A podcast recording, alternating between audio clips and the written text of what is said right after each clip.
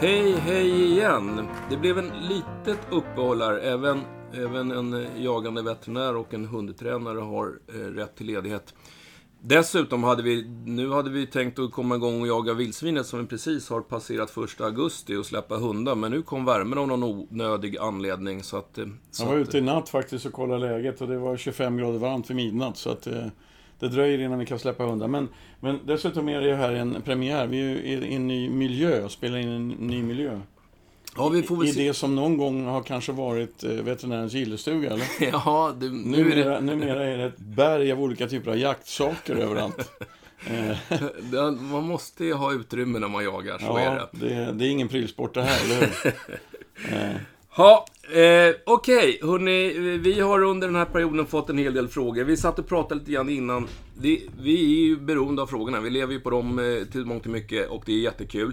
Vi, vi kommer förmodligen tvingas att på något sätt eh, bunta ihop lite frågor. För nu får vi 30 mm, frågor på en vecka och det hinner vi inte med i ett avsnitt. Men det där återkommer vi till. Idag ska vi beta av så mycket vi kan. Och vi börjar med en fråga från Anders.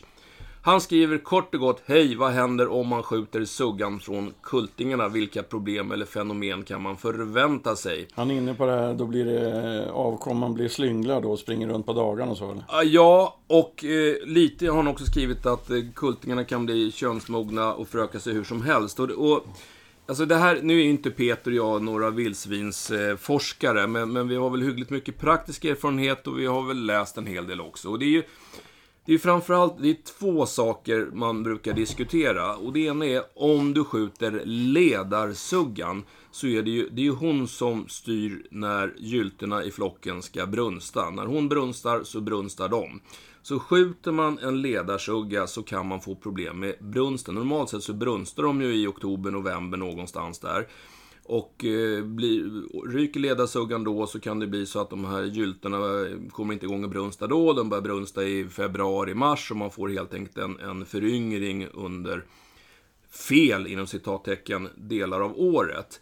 Men man ska också komma ihåg när vi normalt sett jagar vildsvin med hund i alla fall. Det är ju i den här perioden, oktober, november, december. Eh, då är ju sannolikt de här suggorna redan i brunst eller, Eller dräktiga. eller dräktiga. Så, så att då uppstår ju inte det här problemet. Eh, sen när det gäller kultingarna då så är det väl lite samma sak där. Eh, att blir de av med sin sugga i tidig ålder.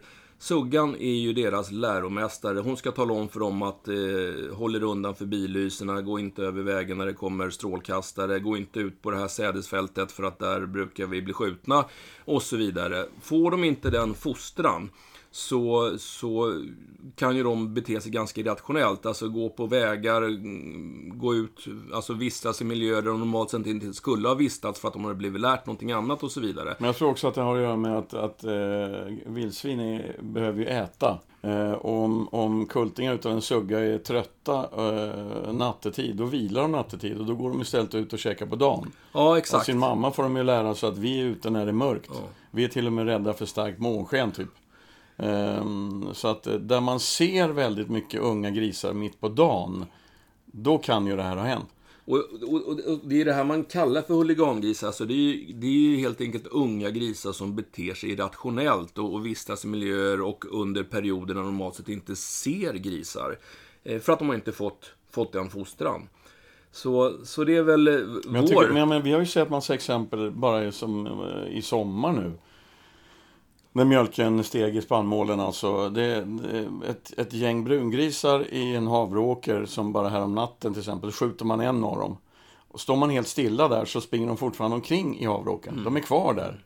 Alltså det, och, och de är till och med kvar där när man släpar den brungris som man just har skjutit. Eh, men det, det, har, det ser man ytterst, ytterst sällan om det är en storsugga med i en flock och du skjuter en, en, ett yngre svin där. Då åker hennes svans rakt upp och hon frustar till. Sen bara smäller det till och varenda gris har lämnat fältet. Eh, så att hon har ju en, en otroligt styrande roll, alltså det, så är det ju. Men sen tror du inte att det är så här också då att det var ju någon som, eh, man, man hör ibland talas om att det är någon som har, som har sett en, en sugga och, eh, och så är det 16 eller 15 kultingar efter henne. Och, och då ungefär som om de kan få det själva. Eh, men så är det ju inte. De kan ju inte få så många. Det går ju inte. Det är rent eh, fysiologiskt det är det omöjligt ju. Eller hur? Ja, ja, nej men det stämmer ju. Det finns ju ganska mycket forskning på det där och jag tror att eh, snittkullen för Europas vildsvin ligger på 4,5. I Sverige tror jag till och med att det var något lägre.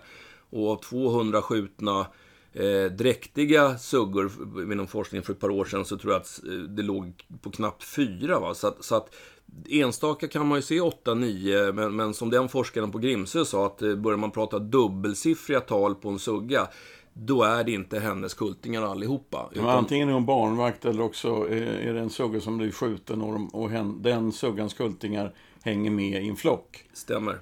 Men, men alltså, men, och då kan man ju tycka att de kultingarna då som i den här flocken, då har de en annan stor, eh, stort hondjur att följa efter. Men det hondjuret har ju normalt bara åtta spenar. Eh, så det är inte säkert att den kullen då får mm, rätt mm, fysisk start eller näringsmässig start på livet. Och, och då kan, ja men så är, och jag vet inte, de, kan, de kommer ju säkert prioritera sina egna kultingar före lånade kultingar eller barnvaktskultingar. Och, och då får du ju naturligtvis en, en, ja i värsta fall så klarar de sig inte, eller så, så får du en, en väldigt liten, eh, låg tillväxt på dem. Och det, De käkar ju vanlig mat eller fast föda tidigt, småkultingar, Ja. men det räcker ju inte liksom. Nej. Att, nej, nej, den här mjölken är ju är otroligt eh, viktig för dem. Så att, eh, så att det är klart att då får de ju försämrad Men utveckling. hade vi något svar på den här killens fråga? Ja, men vi, vi sa väl egentligen det att, att ehm, ja, svaret, det korta svaret är att skjuter man en ledarsugga eller en sugga så, som inte kan fostra sina kultingar så kan du få en flock kultingar som inte beter sig som grisar förväntas bete sig. Ja, just det. Just Varför, varför pratar vi så länge om det svaret? Jag har ingen aning. Vi kunde kortat ner det där. Vi ber om ursäkt. Vi går vidare. Hade hon, hade hon, hade hon något mer? eh, Nej, det var den frågan. Men Ja, vi hoppar till en, en Nilen Setter 15 månader som håller på och tränar för fullt och då förutsätter jag att det är fågeljakt. Och då undrar husse, de kommer jaga i marker där det finns björn. Hur ska vi tänka? Om man sätter en bjällra på hunden så björnen hör att hunden kommer, är det Alltså minimera risken för att den här hunden ska hamna i konflikt Jag med tror en inte de björn. behöver vara ett dugg oroliga för det där. Eh, för det första så hör björnar och eh, väldigt bra och de har också ett luktsinne som inte går av för hacker. Så att eh, björnen vet att det kommer en irländsk rödvitsförsättare dånande i skogen långt innan, innan vi skulle göra det. Eh, dessutom så tror jag att eh, alla, all, väldigt många fågelhundar som jagar till exempel skogsfågel i, i skogsbältena där det finns björn, alltså, det finns ju ganska mycket björn, träffar på björn då och då utan att någonting händer. De flesta björnar blinkar ju, alltså det vill säga eh, gillar inte björnvittring. Eh, Och björnen gör nog inte någonting om den inte blir hotad. Ja, just det. Det tror jag. är- Så att jag tror att de, men känns det lugnt och tryggt så sätt på en bjällra, fine. Men jag tror inte det behövs för, om, alltså för att minska risken att hunden ska bli skadad av en björnattack. För den anser jag vara väldigt, väldigt liten när det gäller fågelhundar. Ja, och jag tror att eh, de allra flesta fågelhundar undviker nog björnvittring om de får den i näsan. Det tror jag också. Vi lämnar det. Nu är det en björnfråga, eller björnsvar. Eh, Nu är det ett björnsvar. Jo, för Tillbaka till tonsillerna. tonsiller är ett återkommande frågeämne. Den här gången är det Emil som har ställt frågan. Han har varit på kontroll med sina tre hundar i två plottar och en, en blandras. Och då såg veterinären att deras tonsiller var förstorade och irriterade. Hon rekommenderade att operera bort dem för att behandling sällan Hade han problem när han hjälper. åkte dit, eller? Nej, det, det här är, så här är det Emil. Jag, jag, får, det- jag tänker några saker när jag läser det här. Nummer ett, att veterinären har tittat i halsen och sett stora tonsiller är ju inte samma sak som att, att det är en hund som har symptom. Så att min första fråga, för mig låter det så eh, väldigt märkligt att tre hundar skulle ha tonsillit, alltså tonsillinflammation samtidigt. Så min första motfråga, och du får gärna komplettera eh, din fråga här, det är Märker du någonting på hundarna? Håller de på att harklar sig? Verkar de ha svårt att svälja? Hostar eller, eller är låga i dåligt skall eller någonting sånt där? Eh, det är fråga ett. Nummer två då, då är det så här att tonsiller, det, det, stämmer på sitt sätt att behandling sällan hjälper därför att numera så, så har man ju kommit fram till att blir tonsillerna inflammerade så finns det en orsak till det. Och ganska ofta så är det hundar som har magproblem. De får sura uppstötningar och den här saltsyran irriterar tonsillerna som i sin tur blir inflammerade. Det finns andra orsaker till tonsillinflammation också. Men, så, att, så det man oftast brukar rikta in sig på det är att fundera på Har man en hund med återkom, återkommande tonsillproblem, varför har den det?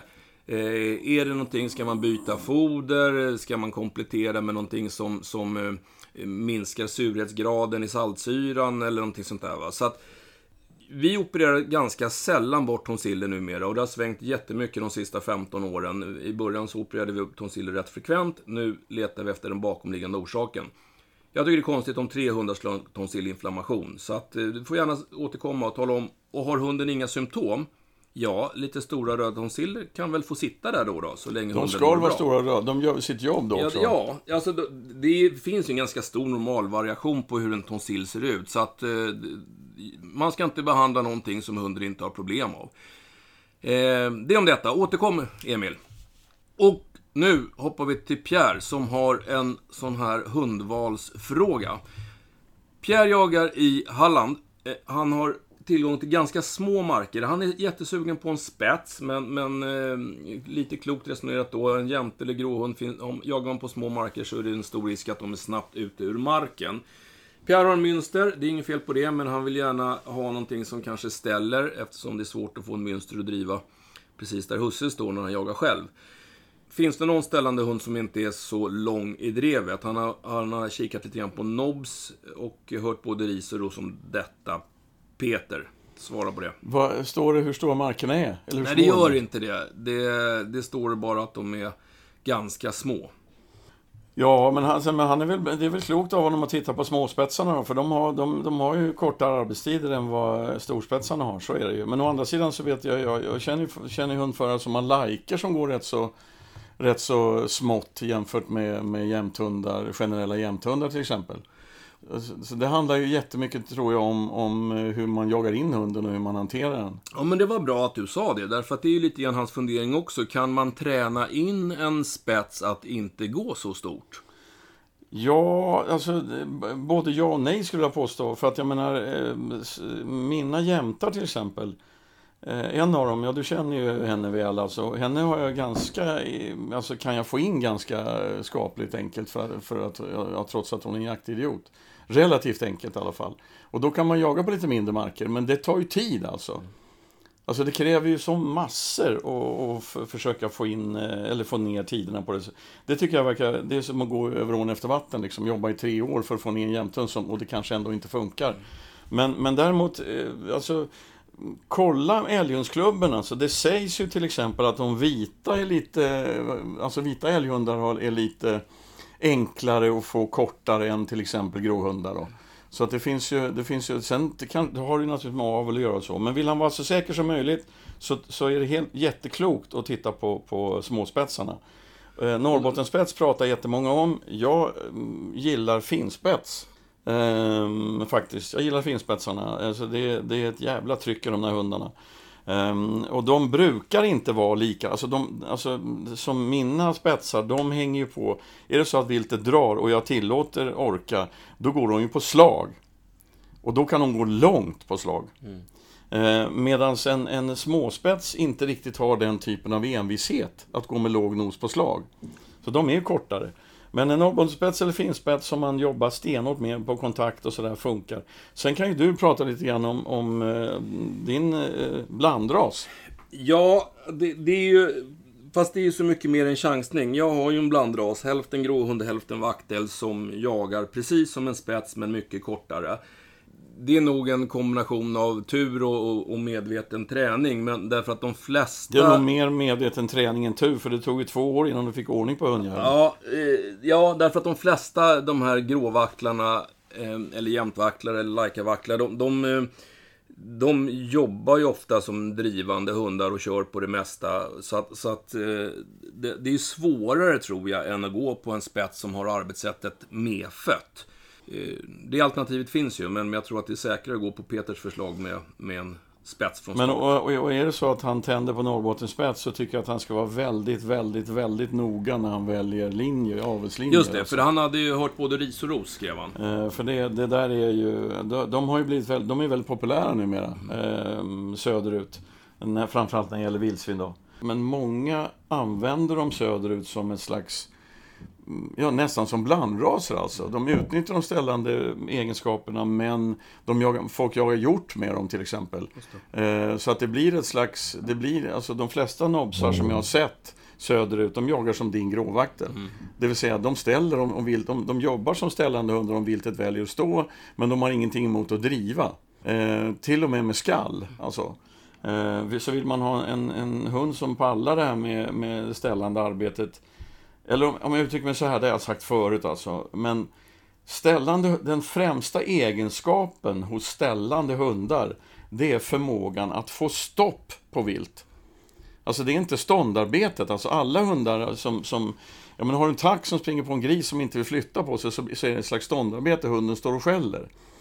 Men, men alltså det viktigaste egenskapen hos en ställande hund är att få stopp på vilt. Det är därför vi tränar dem, genom att stöta eh, ståndvilt och se om hunden pallar att ställa om. Eh, så det, är lite grann beroende också på vilka krav han har. Vad betyder ställande hund? Mm. Eh, som jag ser det. Mm. Det handlar jättemycket mycket om injagning helt enkelt. Skjut inte springvilt om man vill ha en spets som ska ställa. Om jag uttrycker mig så. Bra! En, ett långt svar på din fråga, men eh, jag tror att det var lite tänkvärt med i alla fall.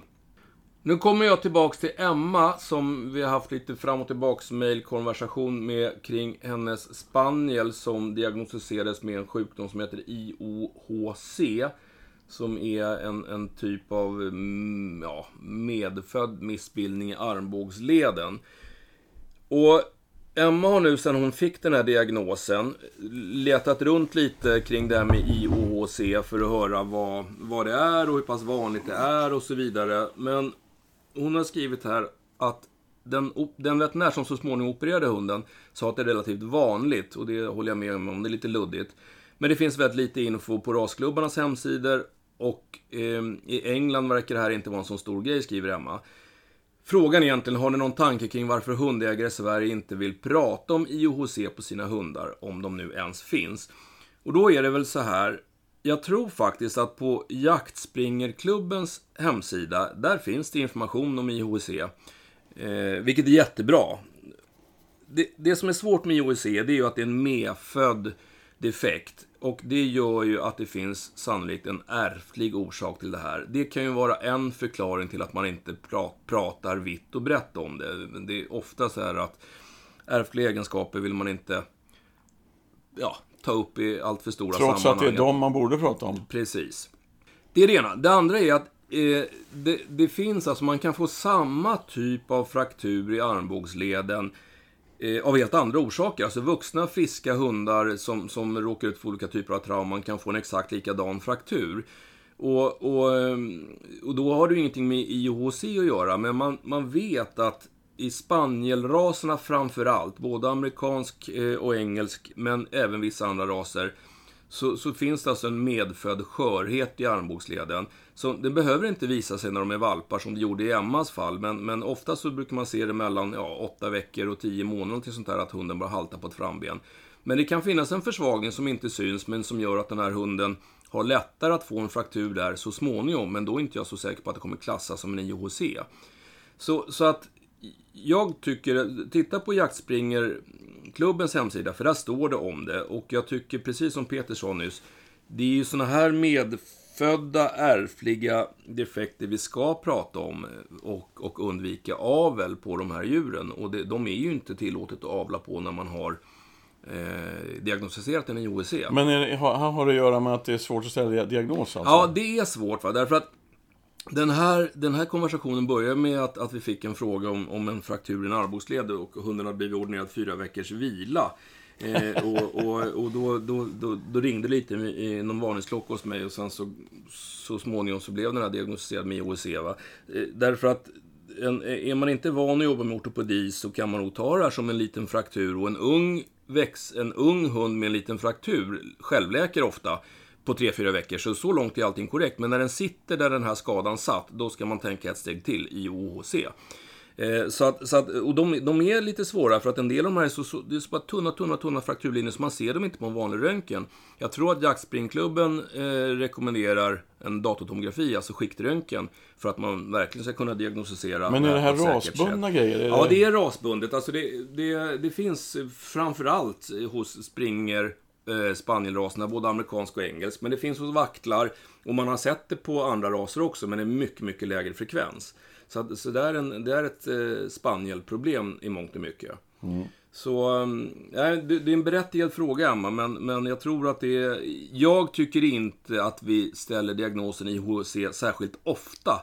Så, så att det är inte ett vanligt problem när, att man hittar dem på valpar. Men som sagt, man kan väl fundera på om man har en treårig springer som plötsligt får en armbågsfraktur, om det fanns en bakomliggande orsak. Va, vad hette det? I... IOHC, och det står för Incomplete Ossification of Humeral Condyle. Och alla som har flått ett framben eller styckat upp ett framben på ett djur vet att längst ner på överhandsbenet så sitter det liksom som står två stora klumpar.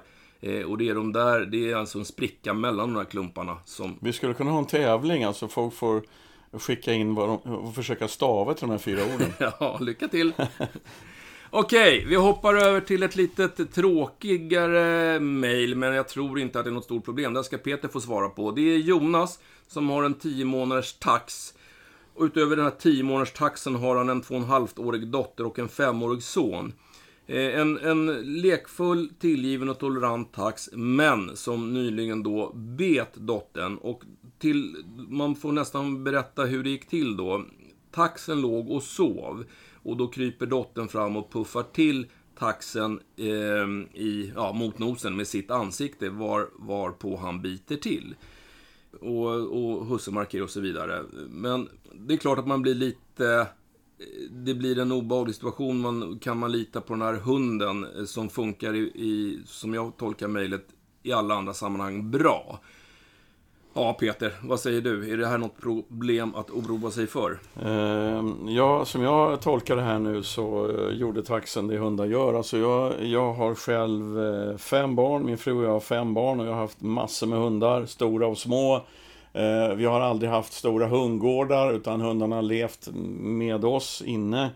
Ehm, och jag har alltid varit oerhört noga med att tala om för knoddarna att Ligger hundarna och vilar eller sover, då ger man fan i dem. Alltså, det, det där är, det är inte bra. Alltså, det kan, det kan betyda så mycket. Jag kan inte tänka som en hund, men jag menar, min, min, min tro är att om en hund ligger och vilar och sover någonstans, jag då som är en slags kung i flocken, om jag storjämten som känner mig väl, om jag går och sätter mig bredvid henne, eller nästan på henne i hennes bädd, det första hon gör är att hon blinkar med tungan, säger förlåt och går därifrån. För jag har sagt att det här är min plats. Fysiskt har jag talat om att här ska jag vara nu. Um, så småningom kan man förstå ju vuxna hundar liksom att man är snäll och så. Men om ett barn kommer, två, det var två och ett halvt åring va? Ja. Kommer knallande och nu ska vi leka liksom. En tax som är tio månader och sover. Eh, då talar taxen om lägg av nu. Alltså, jag tror att det var ett helt normalt beteende måste jag säga. Eh, så att, mm, jag tycker man ska vara försiktig med barn och hundar. Det tycker jag verkligen. De ska, eh, det är skitbra för barn med hundar, men man måste som vuxen vara med och styra. Alltså, eh, hunden har ju inte samma respekt för en två och ett halvt-åring som den har för husse i familjen. Liksom. Eh, så jag, jag, tror inte att han behöver vara ett dugg orolig. Jag tycker att han ska, låta, han ska lära barnen och låta taxen vara när den vilar helt enkelt. Och vi har haft uppe det här att eh, nu är ju valpar också så att de vill sova där resten av flocken, det vill säga familjen är. Men, men jag sa vid något avsnitt vad man ska tänka på när man skaffar valp, att se till att valpen har en plats där man vet, där, där ska den veta att den alltid får vara i fred om den vill. Men visst, de lägger sig gärna där, där, där man är, men det, det är väl jättebra. Att... Jag tror inte det hade hänt om, om den här 10 månaders taxen hade kommit till 2,5-åringen, lagt sig i knät där och så, det tror jag inte. Men, men alltså barn har ett annat rörelsemönster än vuxna. Alltså det, det är väldigt hoppigt, det är, det är lite plötsliga skrik, det, det är, ja du vet, eh, alltså omotiverade ryckiga rörelser och så som hundar har lite svårt att förstå. Alltså det ser man ju, vuxna hundar som, som är helt ovana vid barn, de blir väldigt obekväma i barns närvaro. Eh, det är för att de har svårt att tyda barnens fysiska signaler, tror jag. Det här är bara en Jag tror tanke. inte heller att Jonas blev orolig. Sen, sen, kan man väl tänka att om man tänker i förlängningen, det är en 10 månaders takt som börjar komma upp på pubertet. Eh, han kommer säkert försöka, både mot husse och, och eh, barn, att, att plocka lite poäng i hierarki skalan. Men, eh, så, så, det får man ju vara lite observant på. Men det här var nog bara en naturlig reaktion på, ja, en hundreaktion när den låg och sov helt enkelt. Okej, vi hoppar till fråga två. Han ska jagas in i hösten. Han har, eh, han, till hösten. Han har eh, ett stort intresse för rådjur. Och eh, ja, han har till och med smitit och jagat rådjur och han funkar bra på spår och klöver och allt sånt där. Husse undrar, vad tycker vi om injagning av en ung tax? Ska man skjuta vilt för honom oavsett drevtid eller ska man låta honom driva ett tag innan man bör fälla viltet? Eh, och det här är ju en sån här, mm, ja, var och en blir salig på sin fasonfråga. Men nu frågar du oss och då får Peter svara vad hans fason är. Ja, alltså um, tax och drever och basset och så, det är de lättaste hundarna att jaga in. Man släpper dem och är de rätt avlade så jagar de. Dessutom får de jaga allt vilt vi får jaga i det här landet. Så man behöver inte vara med och styra eh, liksom, och säga nej till fel vilt och sådär. Men det där han säger om man behöver skjuta eller inte skjuta, det är ganska intressant för att jag har ju spetsar nu för tiden bara, men det är lite samma där. Eh, när min unga jämte som ska jagas in i höst eh, står och skäller på en älg, jag ska försöka få in henne på älg trots att vi har så mycket vildsvin här. Eh, då, då är det ståndtid jag vill ha. Jag vill att hon ska lära sig ståndarbete. Så att i början så är det ju inte meningen att hon, hon, hon står och skäller på en stillastående, ett stillastående vilt i, i fem minuter och så ska jag storma in och skjuta så fort som möjligt. För då missar hon ju sex bra lektioner kan man säga. Ehm, ja, det är en grej från när jag var väldigt ung, alltså det här med Alltså, eh, grå, en, en ung gråen måste stå minst tre timmar med älgen innan man skjuter. Mm. Därför att då hinner den lära sig utfallen, den lära sig till förföljande, kanske ställa om älgen och bla bla bla. Ju mer ståndtid den unga hunden får, desto bättre. Och det är lite samma sak med drivande hundar, tror jag. Eh, om man, om man, om man liksom konsekvent drar ner viltet efter en bukt, alltså. Eh, visst, då, då får ju taxen en bra belöning och, och finns det skärpa i den, alltså det vill säga viltskärpa Eh, Eh, så är det klart att den blir glad och så, och så präglar man den på det sättet, fine. Men, men det är också bra att låta taxen driva rejält och klara tapter på egen hand. Eh, för det vill man ju. Man vill ju att den ska bli duktig på att nypa i löper, hålla fast, klara tapter, klara eh, sämre vittringsförhållanden, sol på blankberg och så vidare. Så att den lär sig att driva bra. Ehm, så, så, å andra sidan då, är taxen väldigt lam i jakten. Vilket det inte låter som om, om den här unga hunden redan har, har rymt och driver som fan när den är så ung. Men, men alltså om den är lam, då, då kan man eventuellt tänka sig att det är vettigt att dra ner ett vilt framför, framför hunden. Mm. Eh, så att, den, liksom, så att den, den jaktlusten väcks, eller hur man ska säga, eller att den förstår varför den håller på. Men generellt så har jag inget rakt svar på den här frågan. Det är hundindividen. Men ju mer den får driva, desto bättre blir den på att driva. Jag tycker att det var ett ganska rakt och bra svar. Alltså det är ju precis som Peter säger, det här släppa en ung hund som ska jagas in, ju mer den får jaga, desto mer får den träna. Så att, så att det är ju synd att skjuta efter tre minuter, därför att då kanske man missar en 20 minuters bra träningstillfälle.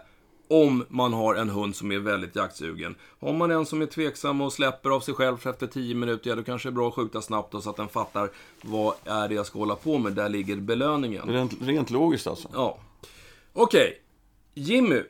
Han har en sån här fråga som debatteras flitigt. Han undrar vad vi tycker om att jaga eller icke med icke rådjursrena hundar av typ spets, stövare, när det inte är jakttid på rådjur. Det vill säga den här diskussionen som är nu, vi som har hundar som, vi som hävdar att vi har hundar som bara jagar gris, får ju släppa första augusti.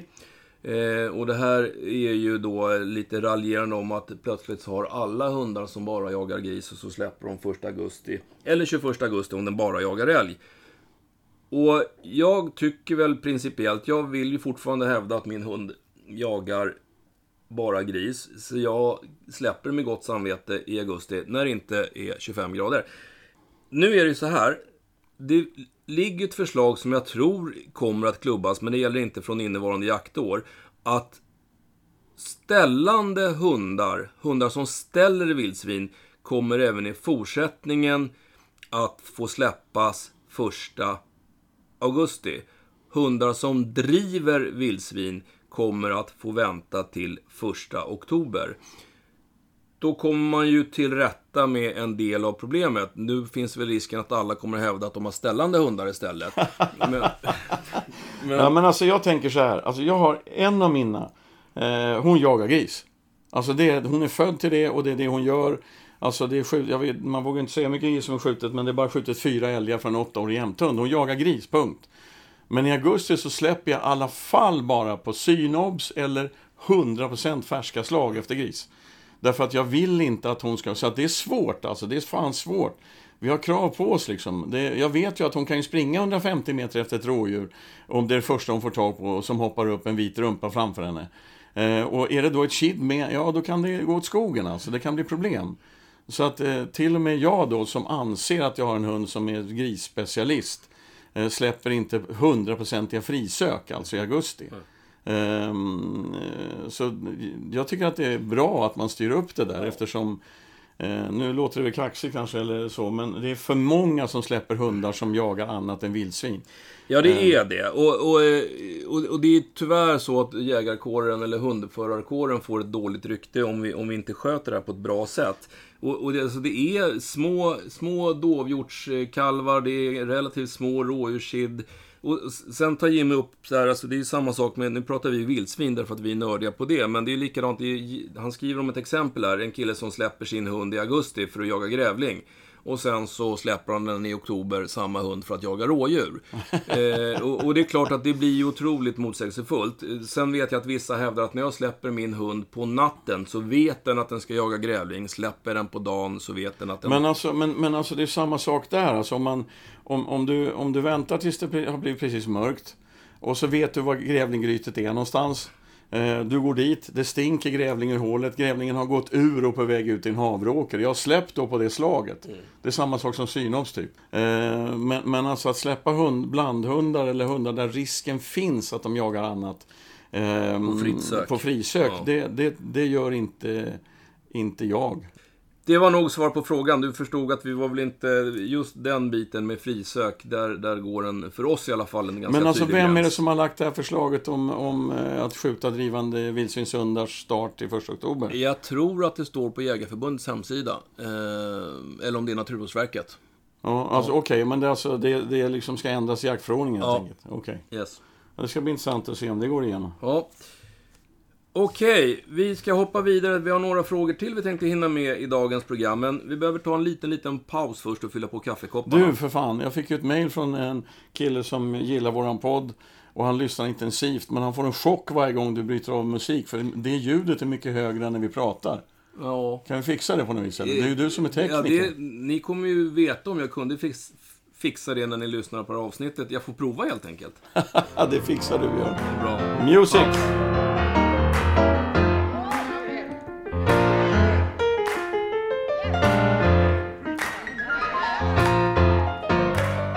Tillbaka till Oscar som har en Basset Fov de Bretagne. Drygt ett år.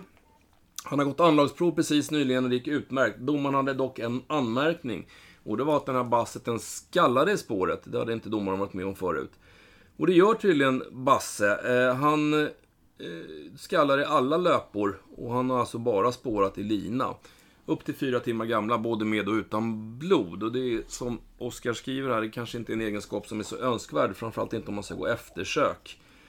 Kan man göra någonting åt det? Kan man träna in ett tyst kommando? Eller lära sig med tiden? Det här låter ju som en sån här, mm, eh, du vet, eh, som min gamla Agnes, alltså när hon väckte, det vill säga började hitta och började rota i slag, då lät det som hon hade fullt drev. Mm. Den här basseten är alltså lös i skallet. Eh, och det är en ärftlig egenskap. Jag tror inte att man kan göra någonting åt det i det här läget. Eh, förutom då att ta det lugnt och vänta och se om Basse lugnar ner sig, för han är ju bara ett år gammal. Mm. Det finns de uppfödare av drivande hundar som gillar det här med, med att de ska vara lösa i skallet, eh, att det ska höras rejält. Och så finns det andra uppfödare som, som menar att man ska köra på ren 100% i ärlighet, det vill säga hunden måste ha ett färskt slag liksom och, och, verkligen jaga i en löpa för att den ska skälla och så. Det här, det här är avel alltså. Jag tror att det här är jättesvårt att med kommandon försöka dämpa en eh, jakttok i basset som är lös i skallet. Eh, jag tycker att om det var jag så skulle jag strunta i det där helt och hållet. Och hoppas att det kanske är lite ungdomlig Exakt. iver och blir bättre. Exakt, precis så. Eh, och sen är, om det är önskvärt eller inte att hunden skäller i löpan när det är eftersök, ja det beror på. Alltså det är klart, det är inte 100% önskvärt, men sen, frågan är om det gör så jävla mycket.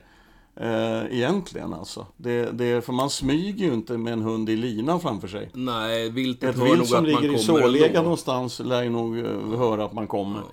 Men eh, så att jag, jag, jag kan inte, jag har ingen lösning på att dämpa Basses skall i, i spårlinan. Tyvärr. Sorry. Träna på, det, det kanske släpper med lite tur.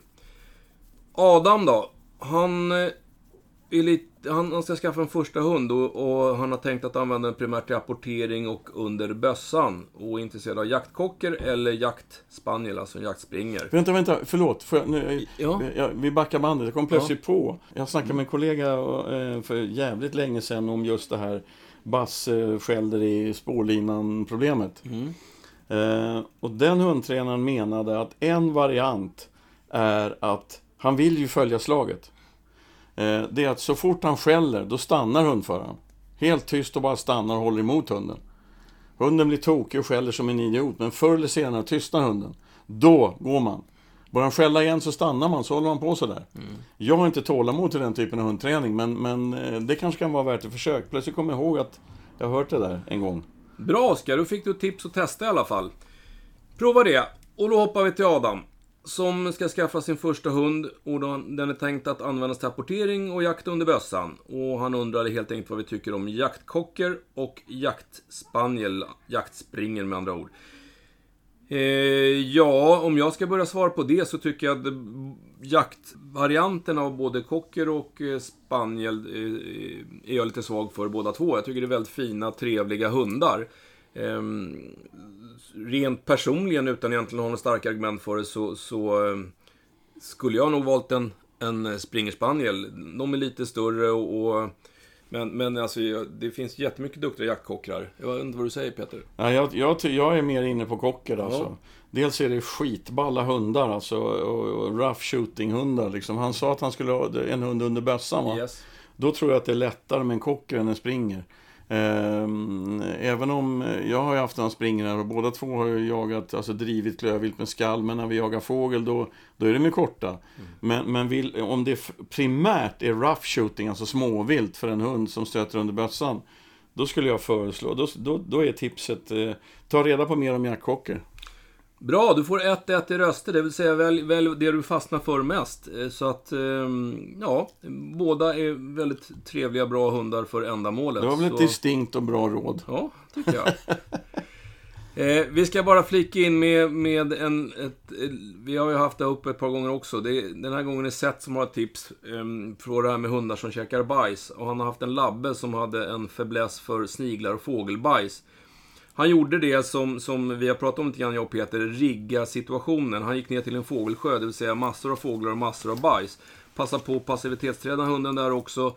Och sen så gick han fram tillbaka över gräsmattan och så fort han kunde se en gåsskit på långt håll så, så markerade han för hunden att det här eh, var inte okej. Och, och det som, som Seth skriver där, där kan man ju uppfinna på samma sätt om man går på någon ridstig med hästskit överallt eller hundrastgård eller någonting sånt där. Va? Så, att, så att det där är alltid ett bra sätt att träna på, att man riggar situationer. Var det inte det vi, har vi inte sagt det där? Jo, men det här var lite mer konkreta Okej, eh, okej. eh, exempel på det. Ja men det är skitbra. Eh, Det där funkar ju i alla sammanhang. Skitbra var ordet. Ja, genomtänkt svar. Ja. Krille har en två och ett halvt årig vaktelhane. Som röntgades för drygt ett år sedan och då fick han eh, grad B på sina höfter och grad 3 på sina armbågar. Och han har varit i kontakt med, med veterinären på SK som, som granskade och bedömde det här. Och den veterinären som var en hon sa att hunden dessutom har FCP. Nu är det mycket förkortningar, jag ska förklara dem strax. Att det inte var jätteilla just nu. Då ska vi först, ja HD är ju höftleds, höftledsdysplasi. Där man då graderar A, B, C, D och E. Grad B är ju inte någon höggradig dysplasi, alltså en felaktig passform mellan höftledskulan och bäckenet. Eh, så det, det tycker jag inte man behöver orda så himla mycket om. ED grad 3 är då den, den eh, ja, kallar det för värsta graden eh, på armbågsproblematik. ED står för elbow dysplasia, alltså armbågsdysplasi. Och det är, en, det är ett samlingsnamn. Eh, på, det finns, man kan ha olika typer av problem med armbågarna. Och ett av de problem man kan ha i armbågarna är det här som den här hunden har diagnostiserats med, som heter FCP. Som är, ja, mera ord, Fracture Coronadeus Processus. Ehm, det är en liten fraktur på en liten spets i, i det underbenet som heter ulna. Ja, nu blev det mycket, mycket medicin här. Nu är det intressant det här. Den här vaktelhanden är två och ett halvt år och som husse beskriver det så har han aldrig sett några problem överhuvudtaget. Hunden kan köra en och en halv mil, han är inte halt efter jakt och så vidare. Och hans fråga är, är det någonting man måste tänka på? Måste man operera? Jag säger nej eh, på båda frågorna. Därför att jag tycker, alltså det, jag sa det tidigt i det här programmet också, apropå tonsiller. Vi hittar mycket konstiga problem och fel och sjukdomar hos hundar. Men så länge de inte lider av det så tycker inte jag man ska in och gräva eller medicinera eller vad man nu ska göra. Din hund har förutsättningar som kan ge problem i framtiden, men den har inga problem nu. Och den här FCP är en ganska vanlig diagnos och vad man gör är att man går in med artroskopi, titthålsoperation och plockar bort den här frakturerade lilla biten. Men all typ av kirurgi skapar en reaktion i kroppen så att man får en inflammation i en led där man varit inne och petat. Och jag tycker inte att det finns någon anledning att göra det när hunden är symptomfri. Däremot, så, så att jag säger till dig som jag sagt till så många andra att du ska hålla hunden igång. Det du ska vara lite observant på det är ju eh, hälta, framförallt om den börjar bli halt efter vila. För det kan ju vara så att det här kommer utvecklas till artroser eller, eller förändringar i leden som ger problem. Men så länge hunden inte har något problem, nej, håll inte på att bråka. Eh, det kanske inte ens kommer bli något problem överhuvudtaget. Han är ändå två och ett halvt år. Men alltså håll igång fysen också under lågsäsongen? Jajamensan. Simträning är alltid bra för, för den här typen av problematik. Man jobbar med rörligheten i leden och man jobbar med muskelbyggande eh, åtgärder. Så att, så att eh, håll igång honom. Det man, kan, det man kan möjligtvis göra är att man är lite man kan böja och sträcka armbågen efter jakt eller så för att se om hunden reagerar. Det är en sån här bra återkommande manöver. För att skulle det börja bli problem så kommer de här ytterlägena, alltså maximalt böjd armbåge eller maximalt uträtad sträckt armbåge. Det är där man brukar märka att hunden blir besvärad, så det kan man ju testa någon gång med jämna mellanrum. Eh, nu har vi också en jaktfråga på samma hund. Och det, då, det blir en PT-fråga. Det här är inte någon helt lätt fråga, eller mm, inte lätt att lösa i alla fall. Den här hunden har sannolikt för eh, under sin första säsong blivit skrämd av vildsvin och även av älg. Och den har sedan dess intresserat sig för båda viltslagen om jag tolkar det här rätt. Men, men han gör inte något bra jobb. Han vill gärna ha husse med om, om, eh, om vildsvinen går undan och han eh, har lite svårt att gå i närkontakt och hänger bara på korta bitar och så vidare om inte husse följer efter. Helt enkelt en hund som har blivit skrämd av både älg och vildsvin. Och frågan är då, kan man på något sätt få honom att... Han har varit i hägn också och testat va? Ja, han har varit i hägn. Och det, det är samma, samma beteende där. Han har koll på grisarna, men eh, stannar de så vill han inte riktigt gå på. Och om de rör sig så går han efter eller hänger på, men bara korta snuttar. Och hur gammal var han sa du? Två och ett halvt år. Ja, alltså ehm, eh, om det var jag så skulle jag sätta igång och jaga som fan med den här vakten och, och det som vakten vill jaga. Ju mer jaktlig rutin den får, alltså, det är rådjur och hjortar och harar och rävar och vad det nu är för någonting som killen har, eller de, den här hundföraren har på markerna. Jaga massor och skjut mängder av vilt för den här vakten. Eh, så kanske plötsligt en dag, en jaktdag eh, i november 2023 så står vakten och dyngskäller på fem grisar i en plantering. Alltså det här, jag tror inte att det går att... Eh, nu har inte jag träffat den här hunden, så då, det är en individfråga egentligen. Då, men, men att, att liksom pusha den. Jo, men du vågar eller mm. jag vill att du och så. Det kan få motsatt effekt alltså, faktiskt. Alla hundar är inte födda att jaga vildsvin. Vi har mängder med annat vilt i skogen som är skitkul att jaga med en vaktel. Så att eh, jag, jag skulle lägga det där på hyllan, både älg och vildsvin. Eh, är det så att han skäller på dem, fine, eh, kanon. Men, men mm, låt hunden jaga det hunden vill jaga. Ju mer jaktlig rutin den får, desto mm, högre kommer tuppkammen att resa sig och kanske en dag kommer plötsligt det där att släppa. Så tänker jag.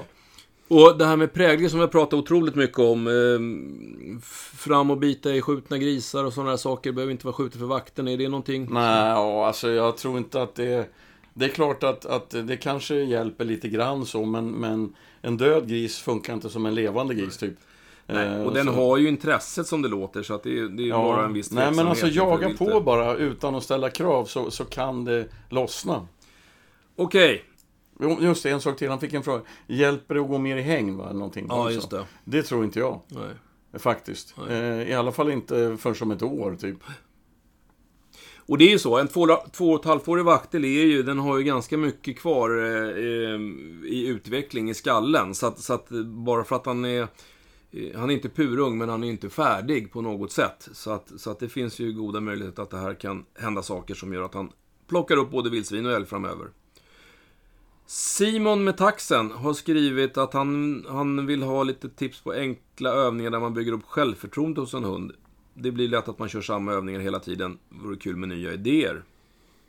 Är det en kortårs, är det en kortårstaxe? Står bara taxen. Jag tror att jag vet vem Simon är. Ja. Ehm, och i så fall så har jag redan svarat på det här till honom. Men, men alltså, mm, det här är jättemycket handlar om hundindivid, eh, tror jag. Och när det gäller tax, samma som, ja du vet de här kortbenta drivande hundarna, så tror jag på jättemycket egen tid i skogen. När det gäller självförtroende, faktiskt. Eh, den lär sig mm, liksom hantera kroppen, den lär sig vara uthållig, den lär sig lösa tapter, det skjuts mer och mer vilt för den och då kommer liksom, säga, självförtroende kopplas ihop med jakten och ju mer självförtroende den har i jakten desto bättre självförtroende får den eh, också i vardagen. Eh, men, men det handlar ju också om det här som är lite mer finlir, alltså om den reagerar på främlingar till exempel eller morrar åt något okända eller har svårt med hundmöten och du vet sådana där grejer. Då handlar det jättemycket om var man som hundförare placerar sin kropp. S- Ställ dig mellan taxen och det som taxen är rädd för eller reagerar hårt på. Ehm, så att det är du som tar så att säga, den, den fysiska smällen om någonting skulle hända. Inte genom att ömka taxen utan genom att helt enkelt tala om för taxen att jag hjälper dig. Jag, jag, du kan vara trygg med mig, typ. För ju mer trygg den här taxen blir med sin hundförare, sina familjemedlemmar, desto bättre självförtroende kommer den få. Sen finns det massa andra smågrejer man kan göra liksom. Men jag tror att det är det lite han är ute efter. Små, små övningar. Att, eh, Men, men alltså, det, det, ta till exempel, alltså ibland när jag har kurser så brukar jag skoja till det och göra någon sån här tillfällig, grov, tillyxad agilitybana typ. Och då är det, jag får många spetsar på kurserna, en stor jämthundshane som är ball som fan och du vet, det är skjutet mycket för och du vet så. Ställ upp den på en 2 tum 3 som ligger mellan två bockar. Då kommer den ramla ner, den fattar inte att den klarar av det. Men om man hjälper den här stora jämthunden att den springer på, liksom så att så småningom kommer den springa på en 2 tum 3 två meter över backen som om det inte vore någonting. Alltså, ju mer man gör, ju mer man lär hunden att den klarar av saker som den inte trodde att den klarade av. Då tror jag att man kan bygga självförtroende på en hund. Jag tror, det finns ingen forskning på det här, men men jag menar, ta, ta till exempel en cirkushund. Du säljer en cirkushund på en stor sån här pilatesboll eller något. Första gången. Den ramlar ner direkt. Den kan inte. Men, men en liten hund har en enorm balans. Efter ett antal övningar så kan hunden stå på pilatesbollen. Till och med gå på den så att bollen rullar framåt. Den har lärt sig att den klarar av ett fysiskt hinder. Då tror jag att, att det faktiskt är så att hunden får ett bättre självförtroende. Jag tror att det är, alltså, det är lite grann som med, med vi människor eller små barn. Alltså, man, man, börjar, man börjar på en... Ja, men ta någon... När ungarna var små och de skulle hoppa från en brygga. Det kunde vara en flytbrygga, det var jätteläskigt att hoppa, det var en decimeter ovanför vattnet. Så, så gjorde de det, men det där gick ju bra. Och nästa gång så kunde de hoppa från ett trappsteg som var 30 centimeter. Och sen kunde de hoppa från ettan och sen vart det trean. Alltså Ja, ta ja. det i små steg, se till att den förstår. Jag kunde ju faktiskt det här, och kanske kan men, nästa men grej att, också. ta, till exempel, ta till exempel det här med om, du, om man lägger en, en gammal rostig takplåt eh, på, på en tegelsten eller något. Så att den är ojämn liksom. Mm. Eh, de flesta hundar som aldrig har varit med om det där förut sätter en tass på det här, det skramlar till och då ryggar de bakåt. Det här går inte, jag kan inte. Eh, men ju mer man jobbar med det där och lockar med godis eller vad fan, hur man nu bär sig åt, så småningom springer hunden fram och tillbaka på någonting som den i början inte trodde att den klarade av. Alltså, när det gäller hundar så tror jag jättemycket på att de på att hjälpa dem över fysiska, alltså mentala hinder som har med fysiska, fysisk aktivitet att göra. Ehm, då tror jag att man, alltså självförtroende är ju en sån jättelik, jättelikt ord liksom. Men ju mer hunden inser att den klarar, desto, desto, mer, desto starkare blir den mentalt. Ta till exempel en stövare som har svårt med takter på asfaltsväg eller vad fan, en hårdpackad grusväg. Ehm, så småningom inser den ju att om jag nöter på här så, så, så klarar jag den här tapten. Bara jag står här och jag menar stövar, alltså drevprov med stövare, då ska de ju stanna en timme på tappen. Mm. Eh, enligt provreglerna. Um, och en hund som släpper tidigare, och många unga stövare håller ju bara på i tre minuter, men om man står där bara med sin fysiska närvaro, så inser hunden att fortsätter jag så vinner jag. Det är ett slags självförtroende kan man säga. Ja, jag hoppas det var ungefär det du var ute efter. Vi går vidare till Fredrik. Eh, Fredrik är ganska färsk när det gäller jakthundar. Han har haft andra typer av hundar i familjen. Nu har han köpt en koppovalp. Han har väldigt konkreta frågor. 1. Vad tycker ni generellt om rasen? För och nackdelar? Ja, börjar du. Ja, men alltså, vi måste börja med att hunden heter Snuten. Ja. Det är ju skitroligt. ja, ska vi ta den först då? Den här hunden heter Snuten.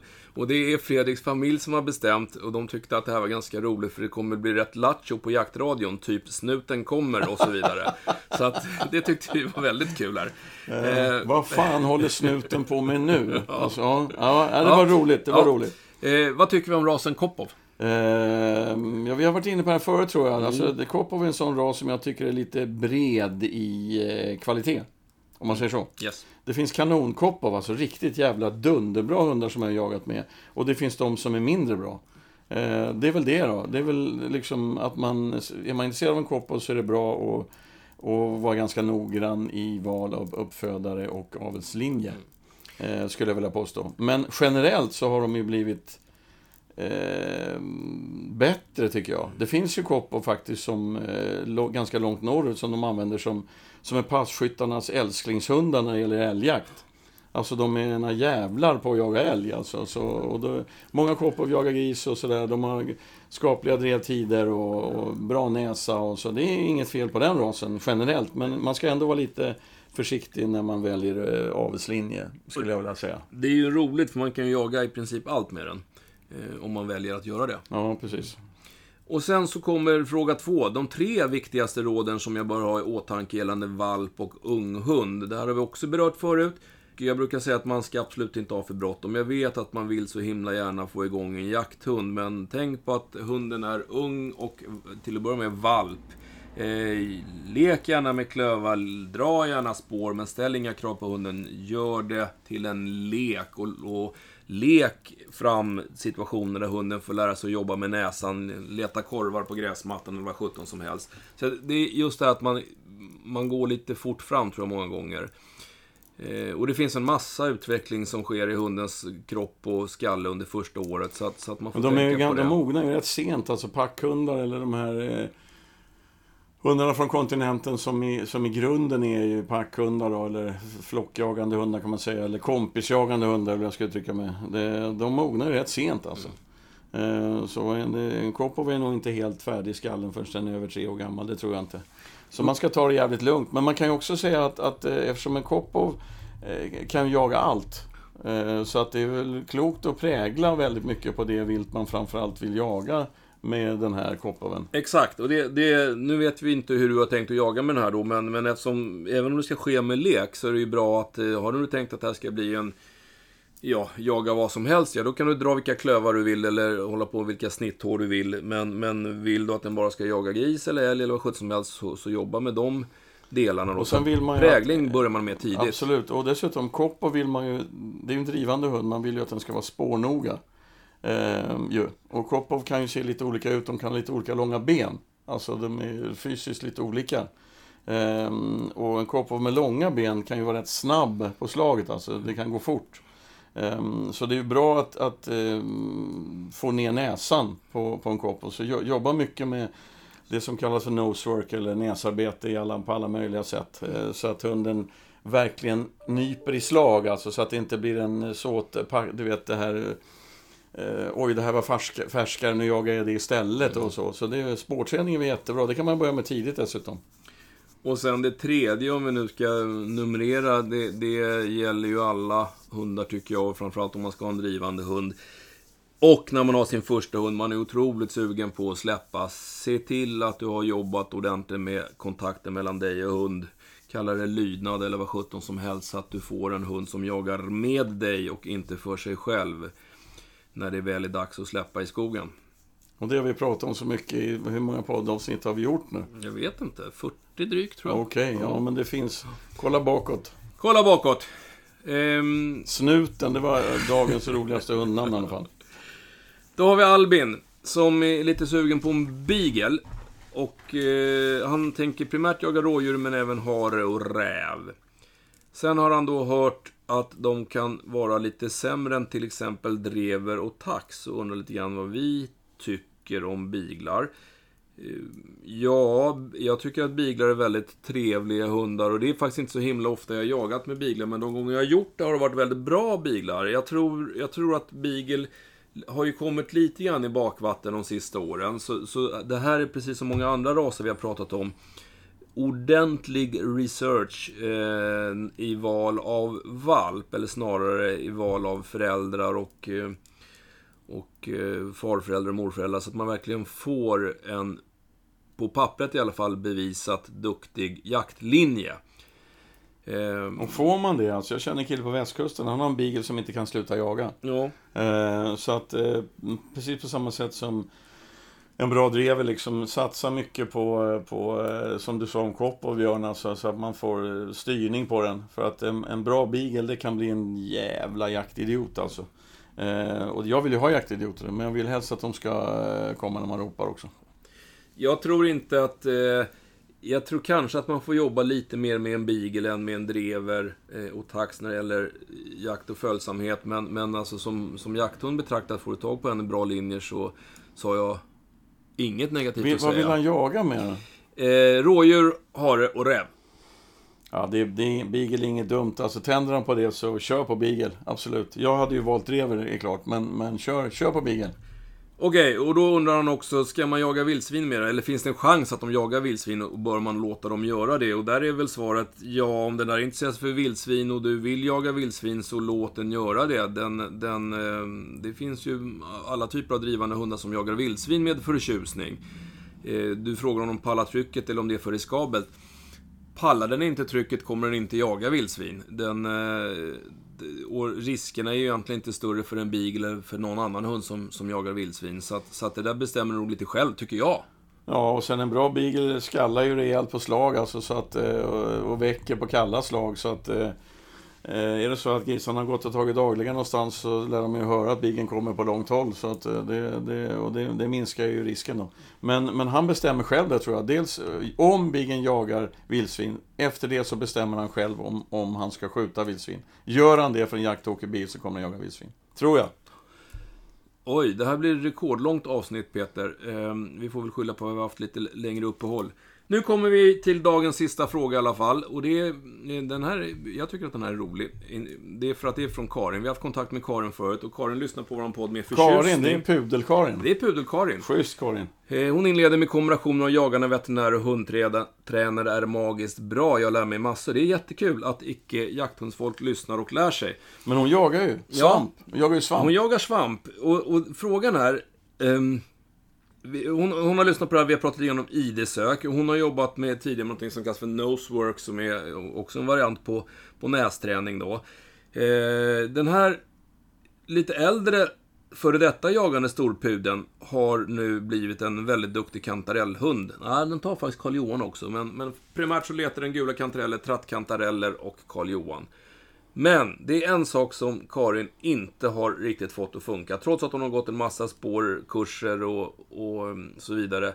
Det är att när de ska gå tillbaka till bilen, antar jag då, om de har åkt ut i skogen, så vill hon att pudeln ska ta spåren tillbaka. Alltså de spåren de gick ut i skogen ska hon gå tillbaka Hon vill istället att för... hunden ska hitta bilen så att hon själv slipper hålla koll på var bilen står. Ja, dels det. Plus att om hunden går tillbaka en helt annan väg så kan hon ta någon myr eller något ställe som är väldigt hopplöst för Karin att vandra tillbaka i. Då. Så hon vill gärna att hunden tar, tar deras spår tillbaka till Okej, bilen. okej. Hur gör Men hon har ju svaret själv, för det står ju i det här mejlet vi har fått att hon lärde den här pudeln att hitta trattkantareller genom att ta en trattkantarell, trycka upp den i nosen på hunden och säga trattkantarell, eller trattis va, och ge den en godbit.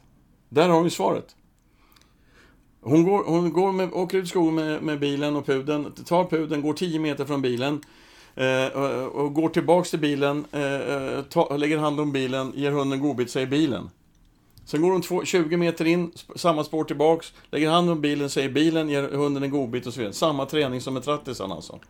Då, då, Bil, ordet bilen betyder du får en godbit när vi hittat bilen. Men då undrar jag, kommer, om nu Karin och pudeln har gått i ett stort U Mm. och så står hon i slutet på det här ut och säger bilen, kommer Mm. inte hunden ta den raka vägen till bilen? Många hundar har, det finns faktiskt ny, ny forskning på det där. Mon, nya hundar använder, tror de, jordens magnetfält.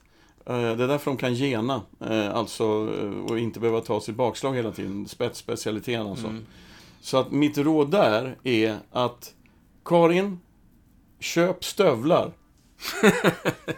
Som Eh, kan jag, kan inte, jag kan inte förstå, ja, det tycker jag, för att jag menar, har hon letat trattis har det gått i åttor och 16 delar och hit och dit och upp och ner och, och, och jag menar, vad fan ska hon gå 6 kilometer till bilen om det är 500 meter dit fågelvägen? Mm. Köp stövlar, eh, köp sådana här hackor man klättrar i berg med. Och hjälm och rep och grejer. Men- Och sen lita på pudeln. Men du har ju haft förut, när vi har pratat om jakthundar som de har problem att gå tillbaks i sina slag. Ja, men det är något annat alltså. Det är någonting helt annat. För, för då vill jag att de ska gå tillbaks till föraren. Ja, just det. Eh, Det finns ingen anledning för en skitsmart gammal storpudel att gå 9 kilometer om det är 500 meter fågelvägen. Om den har koll på läget. Nej, Alltså, alltså, eh, det, jag håller med henne. Ja, eh, jag, Pudeln alltså. Ja, ja, jag tycker att eh, stövlar gäller liksom. Eh, Karin, det här är ju egentligen ett, ett, inget problem. Du kanske får en snabbare väg hem, helt enkelt, om du följer med pudeln. Ehm, med, med, med lite extra tillbehör i form av Den hjälm här och sista stövlar. frågan har en rubrik. Den heter Lita på pudeln. Ja. Okej? Bra. Du, en grej till bara. Ett tips. Nu är ju nästan skyddsjaktssäsongen i södra Sverige i mogen spannmål slut, för de börjar skörda snart. Men snälla, snälla, snälla. Skjuter ni grisar i spannmål, så håll ner! För 8 av 10 eftersök, de senaste 10 eftersöken jag har hjälpt till med, då, det har varit taggutskott. Grisarna är skjutna för högt. Med, omedvetet så håller man upp bara för att det är spannmål. Håll ner när ni skjuter gris i spannmål. Tack för kaffet, om någon. Frågar oss.